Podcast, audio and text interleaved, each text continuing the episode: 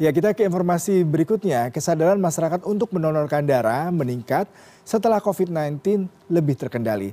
85 persen cadangan darah nasional pada semester pertama 2022 terdapat di Palang Merah Indonesia. 15 persen sisanya berasal dari unit-unit donor darah lainnya milik pemerintah pusat dan daerah. Berikut laporan koresponden kesehatan CNN Indonesia Arman Helmi.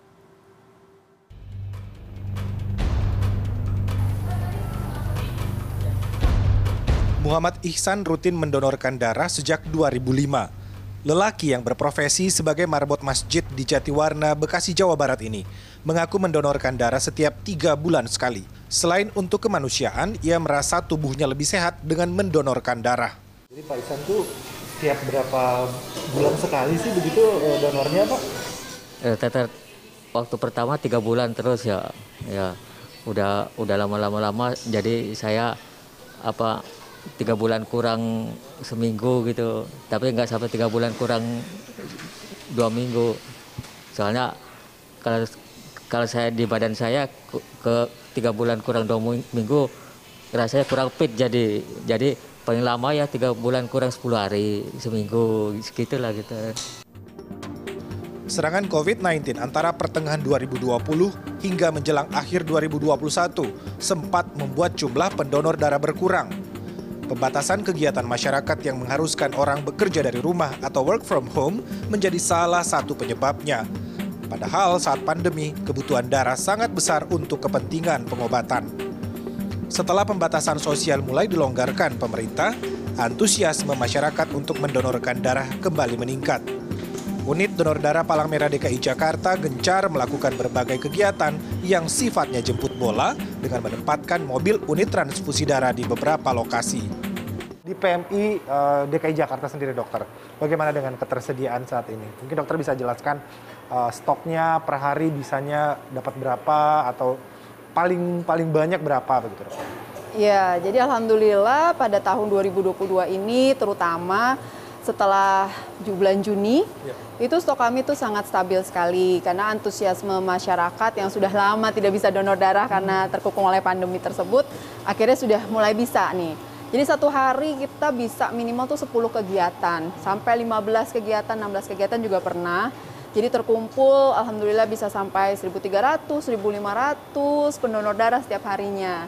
Sehingga stok kami aman untuk 10 hari ke depan memiliki persediaan darah yang memadai, unit donor darah PMI DKI dapat mengirimkan sebagian stok darah ke daerah-daerah lain yang membutuhkan. Meski demikian, ada beberapa golongan dan komponen darah lainnya yang stoknya tidak begitu banyak.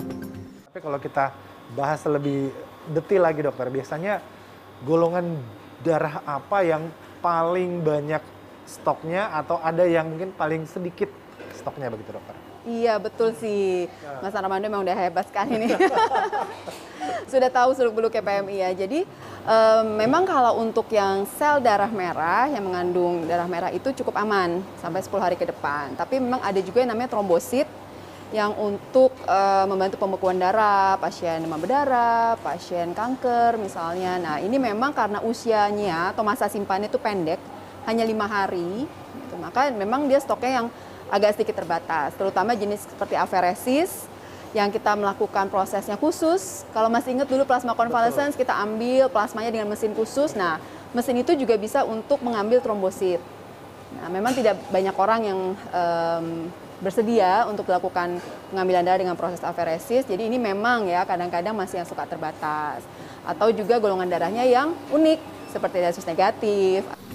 Kepala Unit Donor Darah Markas Pusat PMI, Linda Lukita Sariwaseso mengatakan, saat ini stok darah di Indonesia relatif aman. Jumlah pendonor lama dan baru bertambah karena situasi pandemi lebih terkendali dibanding 2020 dan 2021. Dan Palang Merah Indonesia di 2021 sudah, sudah saya sampaikan tadi kurang lebih 85 persen bisa menyiapkan.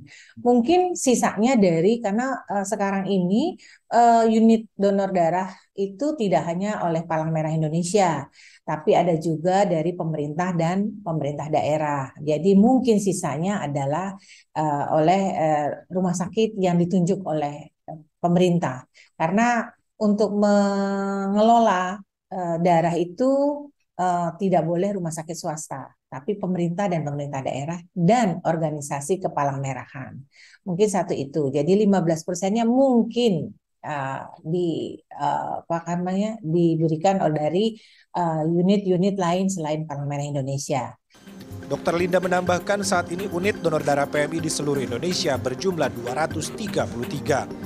Dengan jumlah ini ditambah unit-unit donor darah di rumah-rumah sakit pemerintah, kebutuhan darah nasional diharapkan dapat terpenuhi sesuai standar Badan Kesehatan Dunia atau WHO, yaitu 2% dari total penduduk Indonesia. Artinya Indonesia harus menyediakan kurang lebih 5,4 juta kantong darah setiap tahun. Arman Helmi Galuh Prestisa, Jakarta.